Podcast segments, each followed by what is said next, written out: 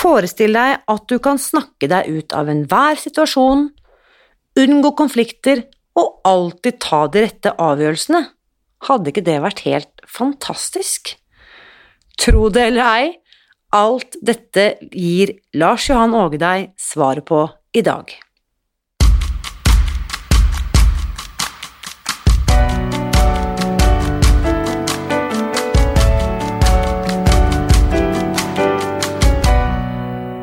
Mitt navn er Irina Li. Jeg er journalist og forlegger, gründer og social entreprenör.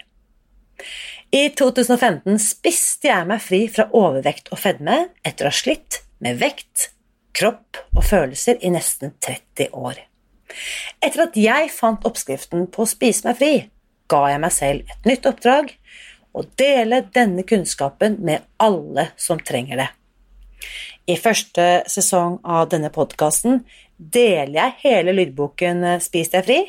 Den finner du ved å bla deg tilbake til høsten 2019. Og hver uke inviterer jeg nå gjester som gir deg påfyll til hodet, hjertet og magen. For min visjon er å endre Helse-Norge, og det får jeg ikke til alene. Du kan bidra ved å abonnere på podkasten, skrive en omtale i iTunes og dele denne episoden med noen du bryr deg om. Da setter vi i gang med ukens episode. Aller først må jeg bare si velkommen til et nytt år, en ny sesong og en ny episode av denne podkasten. Og jeg er bare så happy med at det nettopp er Lars Johan Åge som starter dette showet i 2021. Den superpopuläre superpopulære svensken må vel kunne kalles en akademisk rockestjerne, med en helt suveren kombo av både psykologi og økonomi, pluss studier i forhandlinger ved Harvard Law School. Boken hans, Happy Happy, er oversatt til en lang rekke språk, deriblant eh, norsk. Her kom den ut i eh, 2019. Og i dagens episode snakker eh, Lars Johan og jeg blant annet om hva du kan gjøre hvis du opplever at du er tatt til gissel av deg selv. Her er ukens gjest. Lars Johan, varmt velkommen til eh, podkasten. Tusen takk for at du kunne være med i dag. Ja, jättekul å være her. Fantastisk. Og da hører jo alle at du jo er svensk, som det ikke nødvendigvis er mulig å skjønne når man ser navnet ditt. Men i Sverige er du en, eh, en kjent figur, må vi kunne eh, si. En kjent forfatter. Eh, og du har vært eh, i, profilert i mange sammenhenger. For de som ikke kjenner deg ennå, eh, eh, Lars Johan, fortell litt eh, kort om din bakgrunn. Ja, jeg er jo altså forsker, eller professor som det kalles så fint. Då, Men egentlig så, så er jeg jo en veldig nyfiken person som har syslet all min forskningskarriere egentlig med å forsøke skape enkla grejer eh, ur saker som är väldigt komplexa. Alltså skapa enkla modeller eller enkla teorier som, som vanliga människor kan eh, ta till sig och som uh, vanliga människor, eller praktiker, det kan ibland vara businessmän eller businesswoman också, va? men att de kan använda det i sin vardag på något sätt.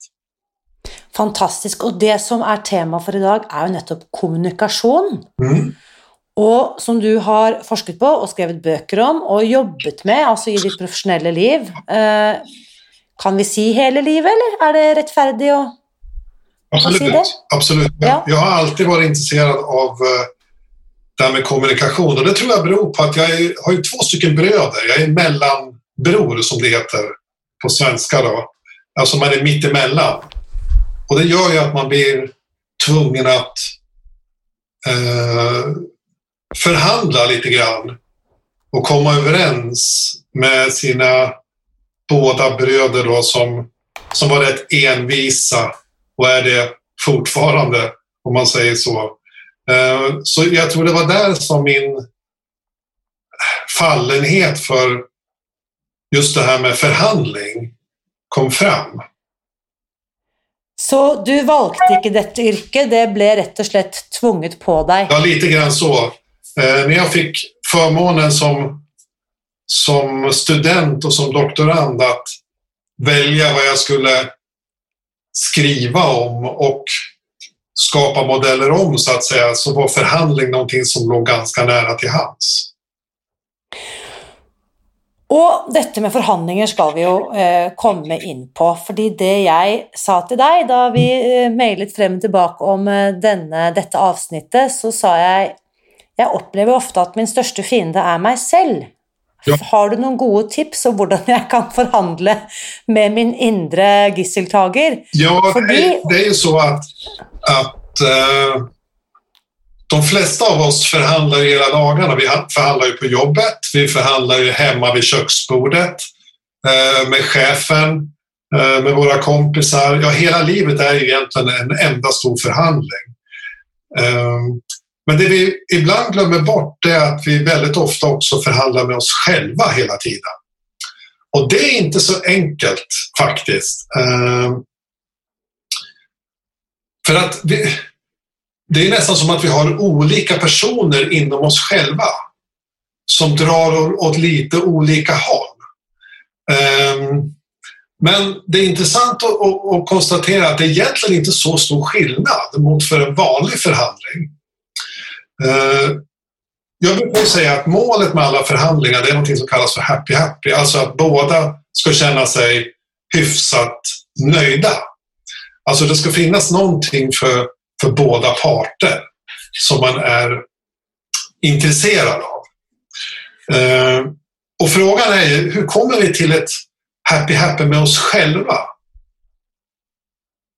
Det är ju Det er jo, Hvis du kan gi oss fasiten på det, Lars Johan, Ja, så vil ja. vi være deg evig takksomme. Jag har t- kanske tagit mig lite vatten över huvudet som man säger i Sverige. Men jag kan i alla fall berätta någonting om det här. För att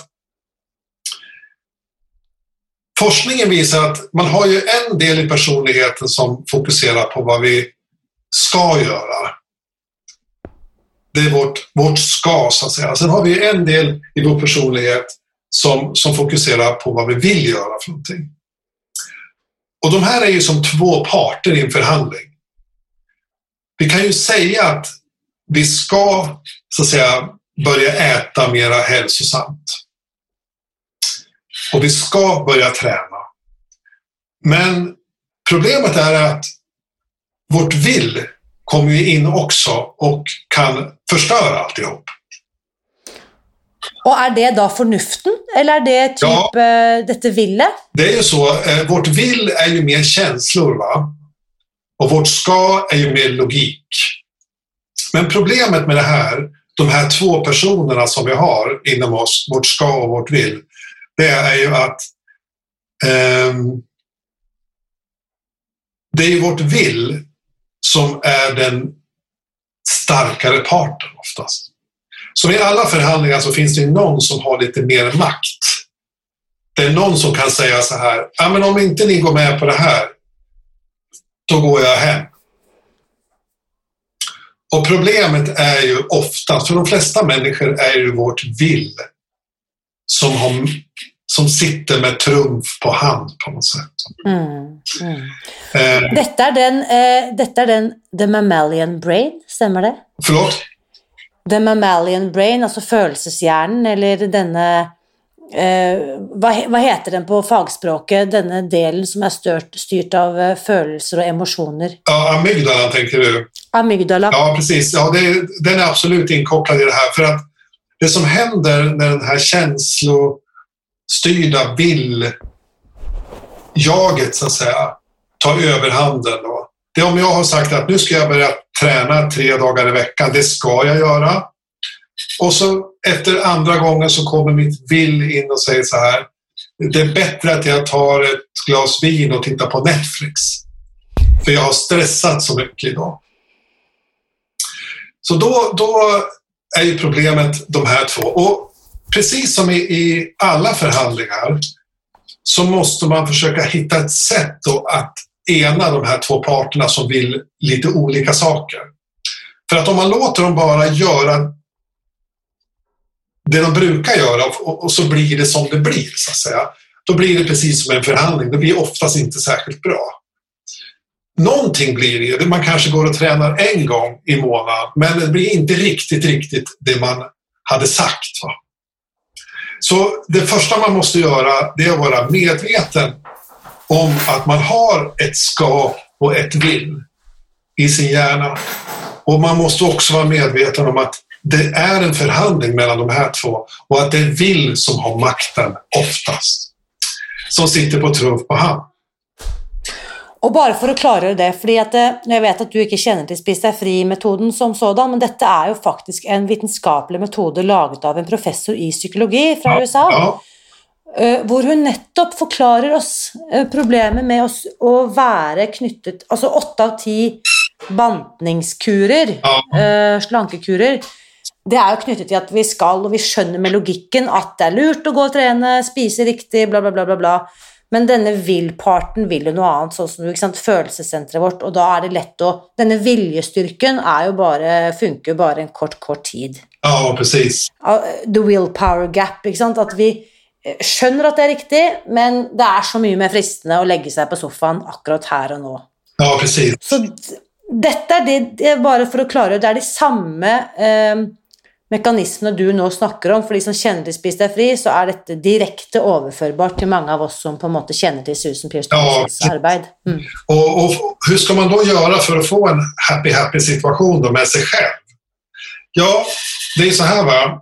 Om du möter någon i ditt jobb som tycker annorlunda om någonting viktigt så är mitt tips alltid i sådana sammanhang att du ska försöka hitta Eh, en, en, eh, någon form av samarbetsrelation då, som utmärks av något förtroende. För när man har en samarbetsrelation och ett förtroende, då kan man oftast hitta de här, den här zonen där man kan byta saker. Eh, alltså att du ger någonting som är billigt för dig men värdefullt för den andra och du får någonting som är värdefullt för dig men kanske billigt för den andra. Alltså ni hittar något sätt att, något utbyte som båda känner att de blir happy av. Då blir det happy happy, ett utbyte som båda känner att de blir happy av. Och då är frågan, hur når man det där med sig själv? Och det är inte alldeles enkelt, precis som du har varit inne på. Det finns ju ingen magic formula för hur man gör det en gång för alla. Men eh, om det hade varit en yttre förhandling, jag har jobbat mycket med gisslanförhandlingar och sånt. Ja, det är jättespännande. Du är en sån som man ser på amerikanska filmer. Han, han psykologen de hämtar in på bakrummet för att hjälpa politiet och ja, rädda livet. Du är, hel, du är helten i historien eh, i denna. Vi känner dig alla från de amerikanska filmerna. Du, du har hjälpt FBI och, och flera Jag har studerat FBI under flera år och också svenska polisen. Och det man gör i sådana här situationer är ju att man man försöker ju hitta ett, ett förtroende. Det är det A och O i en gisslansituation, att skapa en kontakt. Och det gör man ju inte i en gisslansituation för man tycker särskilt att gisslantagaren är en särskilt trevlig person eller man vill ha någon kontakt, utan man gör det av ett enda skäl bara, att man vill ha en lösning på problemet på något sätt. Mm. Det är inte det att man gillar personer, utan man, man försöker skapa en kontakt av rent praktiska skäl. Och då brukar man säga att man förtjänar rätten att ha rätt, alltså man earn the right to be right. Alltså, när man har den här kontakten, då kan man komma med ett förslag och då kan motparten säga ja. Så frågan är hur ska vi använda den här taktiken med oss själva? Mm. Om vi då är som två parter, vi är ett ska och ett vill så att säga. Och Frågan är ju som sagt, hur gör vi det här med oss själva? Ja, ett sätt eh, till att börja med, det är ju att det finns ett uttryck eh, inom forskningen som säger att man ska gå ut på balkongen. Fortell jag vet inte vad det kan heta på norska. Balkong. Jo, balkongen har vi. Vi har balkongen, men vad ska jag där ute och göra? Vad gör jag när jag kommer ut på ut balkongen? på balkongen? Vad är det som blir bättre av att du går ut på balkongen? Jo, eh, det är ett uttryck för att man ska, så att säga, hitta lite andrum och få lite distans till sina egna känslor. Så det betyder alltså inte bokstavligen att man ska försöka hitta en balkong att gå ut på. Utan det betyder bara att man ska försöka hitta någon form av break. Så att man kan Time out. Mm. någon liten time-out eller break så att man kan eh, tänka klart. Eh, så go to the balcony, det är ett, ett vanligt använt begrepp i, i förhandlingar. Och det andra begreppet är keep your eyes on the price. Alltså håll ögonen på priset. Och det här är väl någonting kanske som man i alla fall kan, som man kan testa. Alltså det gäller att hitta sätt då. Om jag är en person som har kämpat med att, vad ska vi säga, att äta hälsosammare. Eh, och de här, mitt jag ska och mitt, mitt vill, de kommer inte riktigt överens helt enkelt. För mitt ska säger alltid massa bra saker, men så kommer mitt vill och, och förstör alltihop upplever jag. Så då kan man ju försöka alltså, hitta ett sätt att minska den här villets påverkan, alltså minska de här känslorna som man oftast hamnar i. Va? Alltså, ta ett break, gå ut på balkongen och fundera vad som egentligen är viktigt. Mm. Keep your eyes on the price, håll ögonen på priset. Vad är egentligen viktigt? Men man behöver oftast ett break på något sätt, tror jag. Og da lurer jeg på, fordi at en av de Jeg er også utdannet yogalærer og har praktisert yoga i 15 år snart. Ja, Og da er det nettopp det å bare kunne stoppe opp ja, og bare puste litt. Kanskje slute av øynene og bare tenke Hvordan velger jeg å reagere nå i denne situasjonen? ja, exakt. Og det kan jo være når jeg krangler med mine barn. ikke sant? Det er jo ikke nødvendigvis bare i møte med meg selv, men også stoppe opp, øh, finne min indre balkong, som jeg nå skal referere til heretter. Ja. Kan det være så enkelt som å bare stoppe opp og ta tre dype andetag? Ja, jag skriver i boken faktiskt, i eh, Happy Happy, att ett, sätt som, som gisslan eh, förhandlare använder sig av, för de är oftast i en, i en stressad situation. Och det tror jag, jag tror faktiskt man kan använda ungefär samma metod då, i det här fallet. Och jag kallar den faktiskt för stopp eh, i min bok. Eh, och den betyder egentligen, det är ett sätt att gå ut på balkongen helt enkelt. Nettopp. Mm. Och det man gör då är precis det du säger, det vill säga att man, man stannar upp. Eh, det, det, det blir ju första bokstäverna på, på stopp så att säga. S, stanna upp. T, ta några djupa andetag. Du gissade rätt. Och, och, och nummer tre då, STO, O, observera. Och det betyder att vi ska observera det vi känner inombords. Eh, och sen kommer själva finalen. Sen ska vi sätta en etikett och ett namn på känslan som vi känner. Alltså S, stanna upp. T, ta några andetag. Observera och sätt ett namn på känslan som du känner. Det är samma, det är på O. Mm. Eh, och sen sista P. Planera nästa drag, alltså gör, gå vidare. Så egentligen så det det handlar om väldigt enkelt är att man stannar upp, tar några andetag, känner hur det känns och sen sätter man ett namn på känslan. För forskning visar faktiskt att om vi sätter en etikett på en känsla då minskar aktiviteten i amygdala direkt. Fantastisk. Det kan man Som er denne, som er denne eh, delen av meg som vil ligge på sofaen. Exakt. Och, och alltså när man eh, mäter, man sätter sån här hjälm på människor och mäter det såna här MRI-signaler så kan man se det att så fort de sätter ett namn på känslan som man känner så minskar aktiviteten och stressen.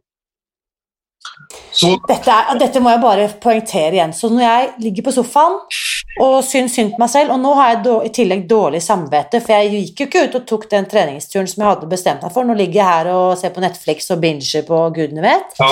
Så går jeg rett ut i kjøleskapet, og så fortsetter jeg der. Ja. Ikke sant? Og putter mer ting ned i magen som jeg egentlig ikke har lyst på, eller som i hvert fall mitt fornuftige jeg skjønner at ikke er bra for meg. ja. For jeg, the price er jo nå nowhere to be seen. Ikke sant? Den er jo langt ut i fremtiden. Men hvis jeg bare stopper på vei ut i kjøkkenet og gjør disse fire teknikkene du snakker om her, og kanskje på observasjon sier at 'åh, jeg har dårlig samvittighet og skammer meg', kanskje det er det som er etiketten. Ja, man kan prova och jag tror till och med att man kan göra det här tidigare. Alltså när du redan ligger på soffan och har druckit lite vin, då har väl kanske chansen att, att då har det gått lite för långt kanske. Man kanske redan när man börjar fundera på klockan två på eftermiddagen, när du börjar fundera på ska jag göra det, jag- det mitt ska har sagt, att jag ska gå och träna klockan fem? Eller ska jag ge efter för vill och, lägga mig på soffan och dricka vin och kolla på Netflix? Det är kanske ännu mer effektivt om man kan komma in redan där Nettopp. och känna vad är, det, vad är det som händer i mig nu, så att säga? vad är det jag tänker och vilka känslor är det som gör att det finns en stor risk för att vill kommer att vinna den här striden. Om man kan bli medveten om den konflikten som man har och gå till balkongen kanske. Det kan också vara att man kanske går på en promenad eller man tar lite luft eller man gör någonting så att man får lite distans till det här. Och så kan man tänka, okej, vad är det egentligen som jag vill här? Fantastisk. Eh, men återigen, det finns ju inga magic formula som man trycker på en knapp. Va? Men jag tror att insikten om att dels, vi har två stycken eh, motsatser i oss. Det är vårt vill och det är vårt ska. Och den ena är känslomässig och den andra är mer förnuftig. Och är man mitt i känslo, känslorna så att säga, va? Då, då blir det väldigt svårt. Man måste hitta en distans. Man går ut på balkongen, man tar ett break, man känner hur det känns i kroppen, man tar en promenad eller man kanske tar en kopp kaffe eller vad man nu gör för någonting. Man pratar med en kompis eller någonting om någonting annat. Så man får lite distans till hela situationen.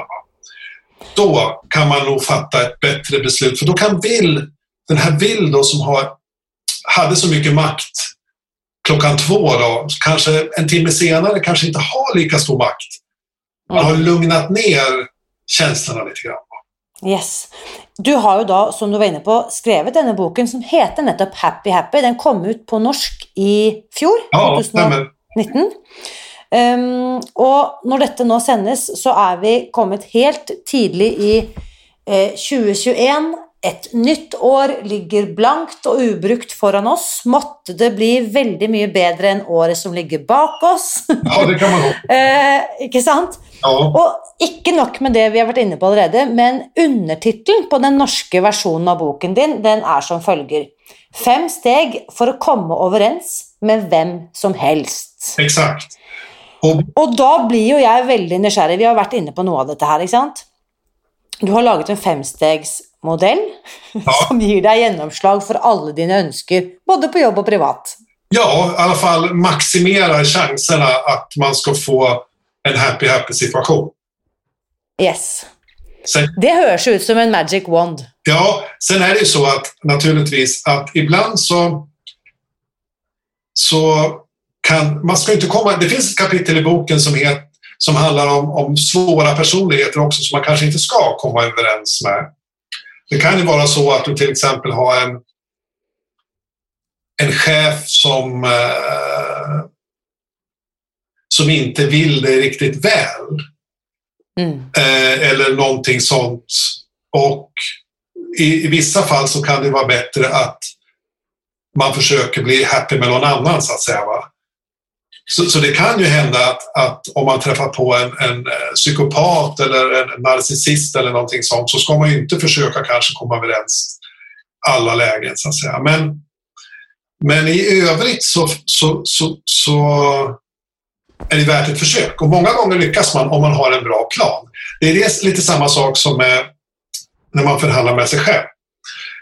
det största misstaget man kan göra i alla typer av förhandlingar, oavsett om det är med sig själv eller med någon annan, det är att tro att man redan kan det här med förhandlingar.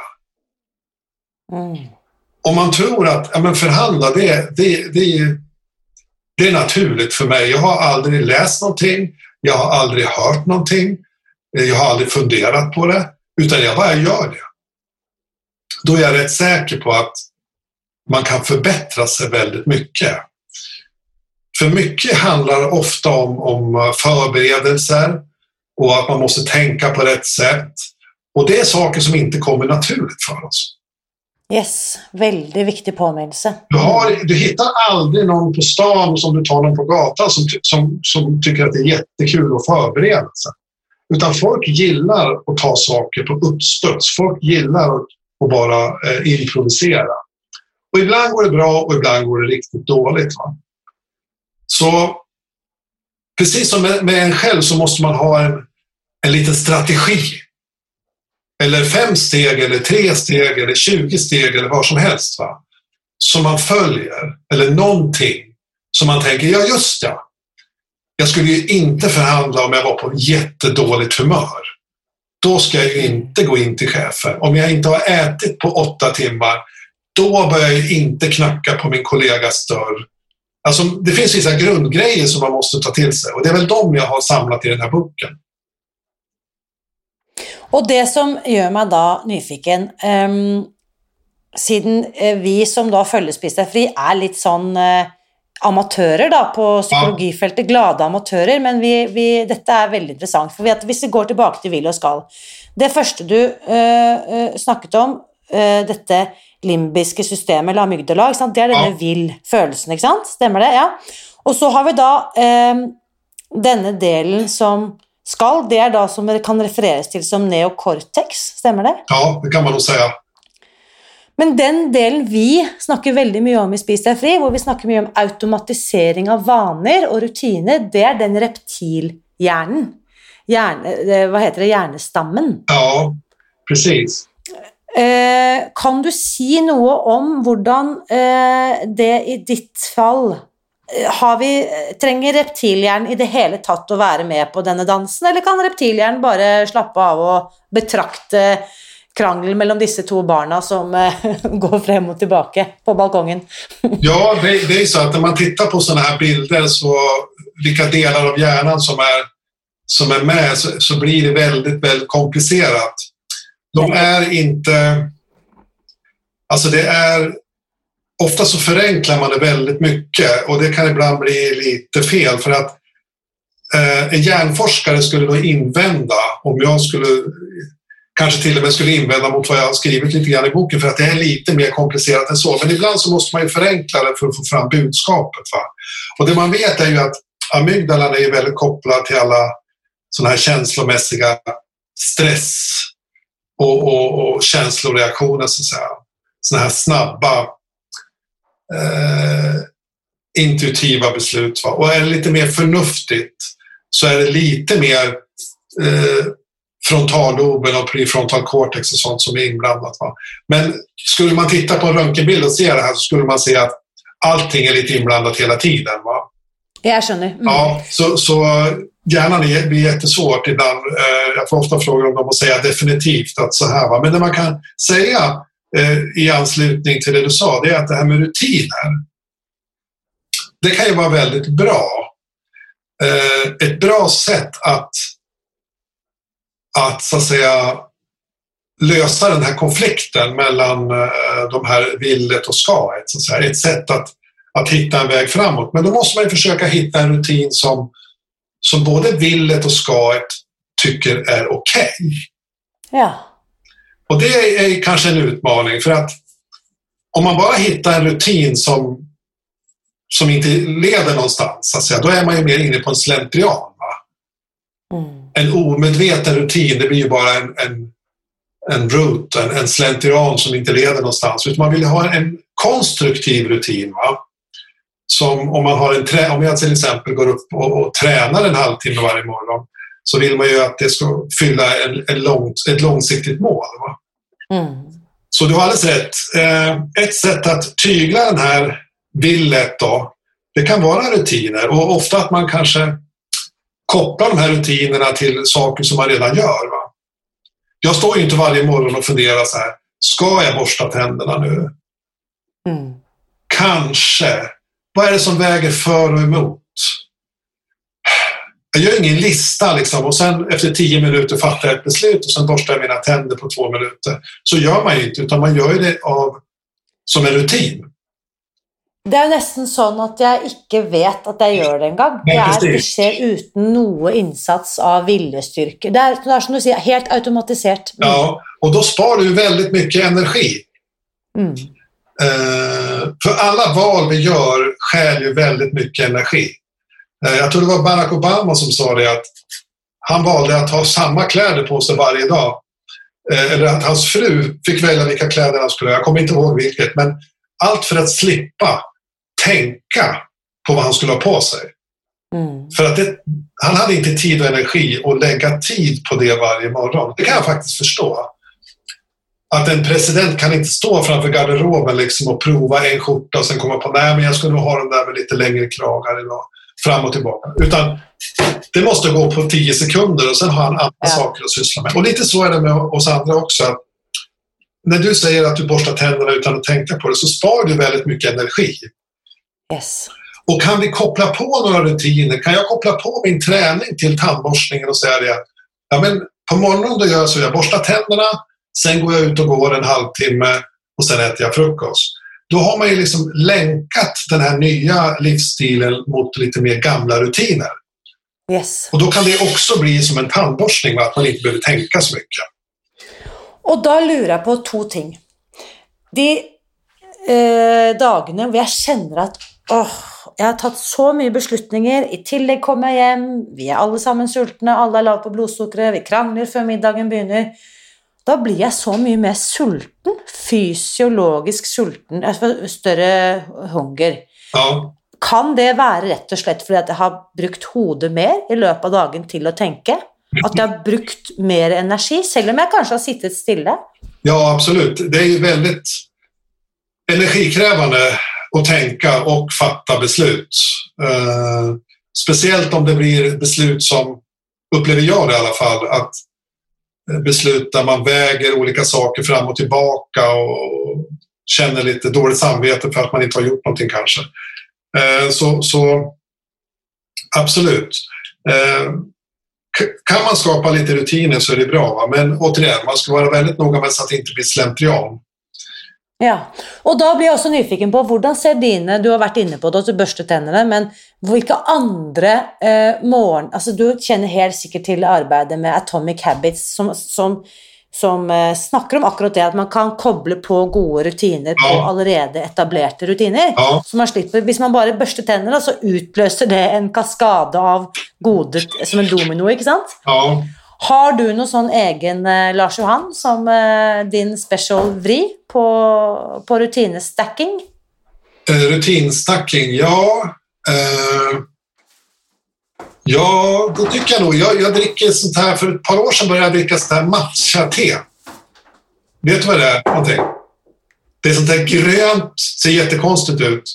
Grönt, japanskt eh, gräs Eh, och varför började jag med det där? Jo, jag började med det en gång. Jag testade det en gång och kände verkligen att, att jag varit mycket mer kreativ. Eh, så jag kände det att de månader jag hade druckit sånt där grönt konstigt te, då gick mitt skrivande mycket lättare än de gånger som jag hade hoppat över det. Wow! Den effekten har jag aldrig hört någon fortelle om. Det var intressant att höra. Det är jätteintressant och jag läste om det där för jag tänkte, så, har jag inbillat mig det här? Eller, och då visade sig att eh, sånt här matcha-te, det är alltså samma sak som grönt te. Va? Det är samma sak. Den enda skillnaden är att du dricker upp alltihop. Istället för om du tar en tepåse som vi har i Sverige, jag vet att vi har det säkert i Norge också, doppar. Och alltså du dricker allt det där tegrejen också? Allting. Så, så man får i sig väldigt mycket från den här tebusken så att säga. Och man har faktiskt kunnat visa det i, i, i studier att det här höjer såna här alfavågor i hjärnan. Och det är samma som, som, som höjs med olika typer av meditation och, och yoga och sådana saker. Så, så då förstod jag ju att det här var ju inte bara inbildning utan man vart ju liksom som lite spacad direkt. Liksom så här. Wow, det är lite sån eh, eh, rusmiddel, eh, kreativt rusmiddel ja, som är fullt lagligt, lagligt rusmiddel. Ja, precis. Och det har också en lugnande effekt mot stress. Eh, och det är ju, jag kan inte alla namnen på det, men det finns något ämne i det här också som, som, eh, som sänker stressen. Teanin eller vad det heter. Så jag började dricka det och sen dess har jag nog druckit det ja, i princip varje dag faktiskt. Eh, wow. Har du druckit matcha-te? Ja, precis. Men jag tänker inte på det idag, utan det är precis som tandborstningen. Jag borstar tänderna och sen eh, tar jag en sån där och så, ja. Det har blivit... Nu blir jag väldigt nyfiken. Hur mycket te dricker du då på morgonen, eh, Lars? En kopp bara. Man gör en kopp. En kopp. Ja. Dette skal jeg, rett og slett, De som hører dette nå, dette skal jeg komme tilbake til i en senere podkast. Jeg må lage en egen episode om matcha-te. Fordi det du sier her nå, med alfa- og beta-bølger det Jeg leser akkurat en bok om akkurat det temaet, som er kjempespennende. Vi må bare snakke ett minutt om det. Betabølger er jo det som eh, Når vi er stressa og liksom ikke har eh, our highest self tilgjengelig. Mens i denne alfa state ja. så er vi litt roligere og kanskje mer hva skal vi si, har tilgang på større ressurser. Exakt, och, och, för mig då så eh, har ju det här matchatet blivit ett sätt att gå ut på balkongen. Liksom, va? Fantastisk. Eh, att, att jag får ju som en time-out. Annars på månaderna har jag kunnat känna att man är väldigt stressad kanske om man ska passa tider och man tänker på alla möten och, och allt elände som man ska gå igenom, höll jag säga.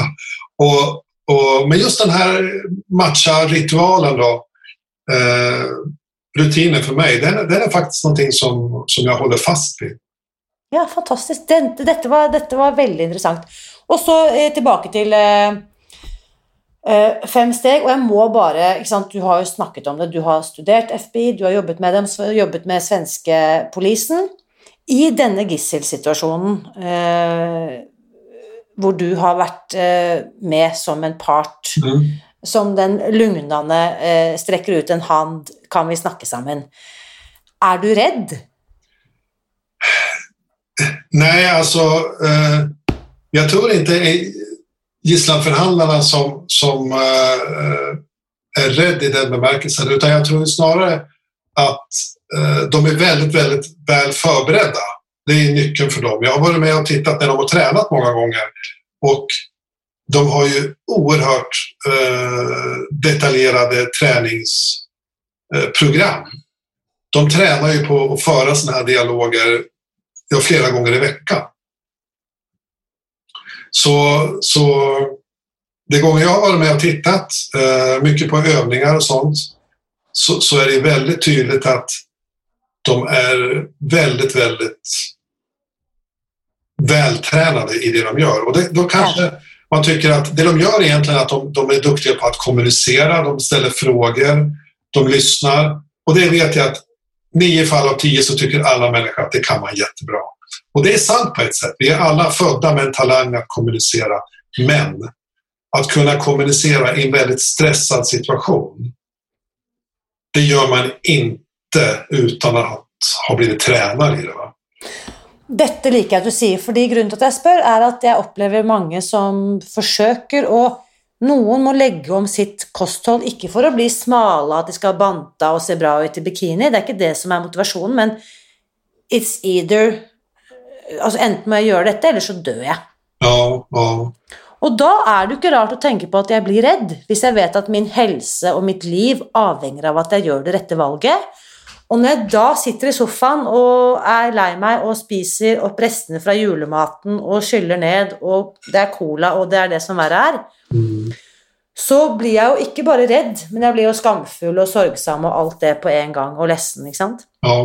Eh, så det jeg liker at du sier i det du forteller nå, er at det går an å øve meg på å takle og forberede meg på den situasjonen som jeg vet kanskje vil oppstå. Absolut. Eh, man måste ju, det är ju det positiva i det hela. Jag tror att, att äh, även om en sån situation är skild från en, en lite annorlunda än en gisslansituation, men, men det är egentligen bara genom en, en medvetenhet och en, en, närvaro i situationen som man kan ta sig igenom sådana här stressfyllda uh, passager, så att säga. Ja.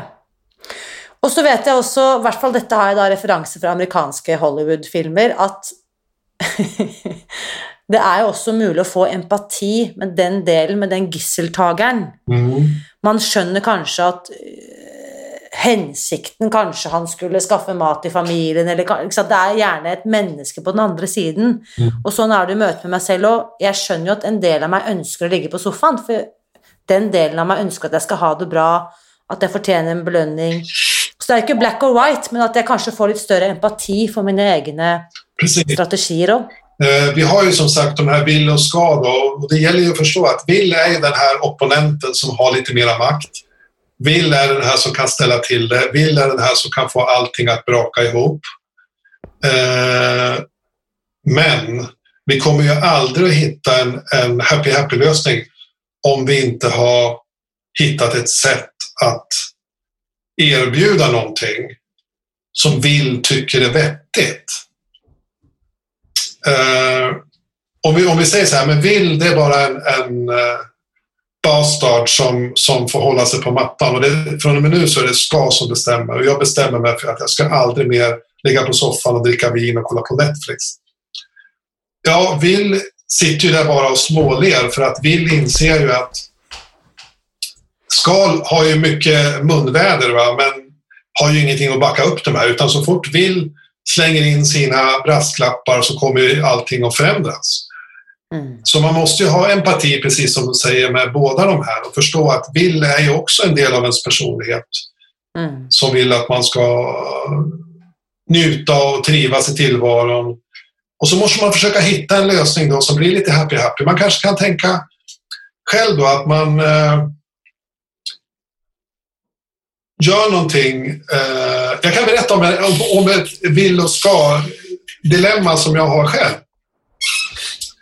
Eh, eh, jag har inte sådär jättemånga laster. När jag berättar om matchrelaterade och så här så tycker jag väl att det är ingen last utan det är som en positiv grej. Men jag, kan ha, jag har en last kan jag erkänna. Och det är att jag gillar att dricka eh, sån här lightläsk. Oh la la, du är en addict. I know, I know you. och jag, och det är ingen stor grej. När jag berättar det för mina kompisar så, så skrattar de och tänker så här, det är väl ingen stor grej. Det är väl bara en rolig grej. Ja, men det är ett väldigt litet missbruk, det kan jag hålla med om. Oskyldigt missbruk. Men det är fortfarande ett litet missbruk. Va? Det är fortfarande det här vill och ska som kommer in här. Va? Och jag har bestämt mig många gånger eh, att nu är det slut på det här. Det, det här är inte bra eh, och det är inte vettigt eh, och så vidare. Och så har jag slutat ett tag, ska, eh, i några månader. Och sen har vill kommit tillbaka i en känslosam situation. Eh, man kanske är stressad eller så. Och eh, då, då slutar det med att jag dricker sånt här i alla fall. Och, och då, men jag gjorde en liten sån här happy-happy-lösning faktiskt med mig själv. Jag tänkte så här att ja, men jag kommer aldrig... Eh, om Will ska få sin, lite av sin vilja igenom så kan jag inte sluta med det här. För jag tycker att det är mysigt. Eh, och gott. Och jag stressar av och liksom mitt välbefinnande som vill då tänker mig, tycker jag att det här blir ju bra, på kort sikt i alla fall. Men mitt ska tycker liksom att nej, men det här säger människor, det här är inte bra, så då ska vi sluta med det här, punkt slut. Men så enkelt var det naturligtvis inte, utan jag satt de här två parterna vid förhandlingsbordet och eh, och gjorde en happy-happy lösning som innebär att när jag är ute och reser då kan jag, är det tillåtet för mig att när jag är på resande fot, eh, utomlands speciellt, på flygplatser mer, typ. inte om jag tar bilen och åker fem minuter, utan om jag befinner mig på flygplats och ska vänta två timmar på ett flyg till exempel. Inte så ofta nu i de här coronatiderna, men ganska ofta uh, i och för sig. Jag kom från England uh, igår, så att det händer nu också. Så då har jag tillstånd av mitt ska att mm. eh, ge efter för den här eh, lilla lasten. Och sen när jag inte reser, då är det i, ingenting. Fantastisk. Det du beskriver her, nemlig, er jo nettopp det som er egentlig kjernen i Susan Pearce eh, Thompson sitt arbeid. Hvordan noen av oss, og da snakker jeg først og fremst om meg selv og overhodet ikke om deg, eh, Lars Johan, noen av oss er addicts som ikke klarer moderasjon og av og til. Så for meg Jeg hadde akkurat samme regel når det gjaldt eh, gelato. Når jeg reiste til utlandet, skulle jeg få lov til å spise is. Altså, hva heter det? Iskrem på svensk? Glass. Glass, takk. Ja. Eh, da skulle jeg få lov å spise glass. Men problemet var jo at uh, definisjonen på utlandet og definisjonen på reiser ble jo plutselig alt mulig rart. Hvis jeg var på en italiensk restaurant, så var det også utland. ikke sant? Ja, ja, precis. Så, uh, så det var først da jeg skjønte at jeg måtte takke nei til den type ting som påførte meg langvarig smerte, typ sukker, lesk, alt ja. dette som det var da jeg lærte av Susan Pearce Thompson at for sånne som meg, addicts, så er det lettere å takke nei. Det blir lettere for min reptilhjerne å bare ha som rutine at det, that is not my food. Og det var jo ikke sant, the, the price, som du refererte til tidligere, ikke sant, den som ligger langt belønningen, det er jo at jeg skal få et liv fylt med frihet, glede, overskudd og ikke minst tankero. Mm -hmm. uh, og det kan jeg jo da fem år senere liksom Alt er check, check, check. Så det finnes håp også for dere som er eh, addicted to lightbrus, men det høres ut som du har funnet en løsning som har funket bra for deg. Da tenker jeg at det er tommel opp. Mm. Eh, men for de som da ikke klarer dette eh, av og til, eller bare godis på lørdager, som er et veldig klassisk eksempel, ja. så finnes det også da en, en tredje vei, da. Mm. Men dette syns jeg var kjempespennende, Lars Johan. Mitt ønske for 2021 er å gå gjennom dette året og være happy-happy. Ja, det låter bra. Eh, nå har jeg fått oppskriften, og eh, boken er kommet i hus. Den skal leses, ikke bare skummes. Men eh, kjempespennende, og takk for at du har gjort det viktige arbeidet og tatt det ned på et nivå sånn at det, sånne eh, ikke-professorer som meg også kan eh, lære noe av det. Jättekul att vara med. Tack så hemskt mycket. Tusen tack för idag. Tack. Vad tänker du efter att ha hört eh, min samtal med Lars Johan eh, Åge idag? Bli med in i den eh, öppna Facebookgruppen Spis dig fri, där samtalen efter dagens episode fortsätter. Och om du testar någon av de teknikerna som Lars Johan delte i så vill jag gärna höra hur de har fungerat för dig. Neste søndag, da gjør vi et stort hopp. Da har jeg nemlig invitert forbrukerøkonom Derja Insidursund som skal hjelpe meg å regne ut hva det koster å spise dårlig. Altså, hva er prisen for et usunt kosthold, regnet om i kroner og øre? Det regnestykket vil du ikke gå glipp av, så kom tilbake neste uke. Neste søndag, det vil altså si 10. januar, inviterer jeg deg også til årets første gratis webinar, der jeg forteller deg hva du kan gjøre for å spise deg fri i 2021. Jeg tar deg rett og slett med på et dypdykk inn i denne Spis deg fri-metoden, og viser og forklarer og forteller deg hva du kan gjøre for å komme i gang. Da vil jeg også avsløre hva som er den vanligste feilen folk gjør, særlig på denne tiden av året når mange er supermotiverte for å starte et nytt og bedre liv. Og hvis du kjenner deg igjen i noe av dette og lurer på hvorfor du har prøvd så mange ganger uten å lykkes tidligere, så kan svaret være at du rett og slett har gjort for mye. Så finn ut hva du bør fokusere på, og hva du bør kutte ut umiddelbart for å mangedoble dine sjanser for å lykkes med varige livsstilsendringer én gang for alle. Og til slutt, uansett hva du velger å gjøre for å bli happy-happy i året som kommer, så vit at jeg heier på deg. Alltid.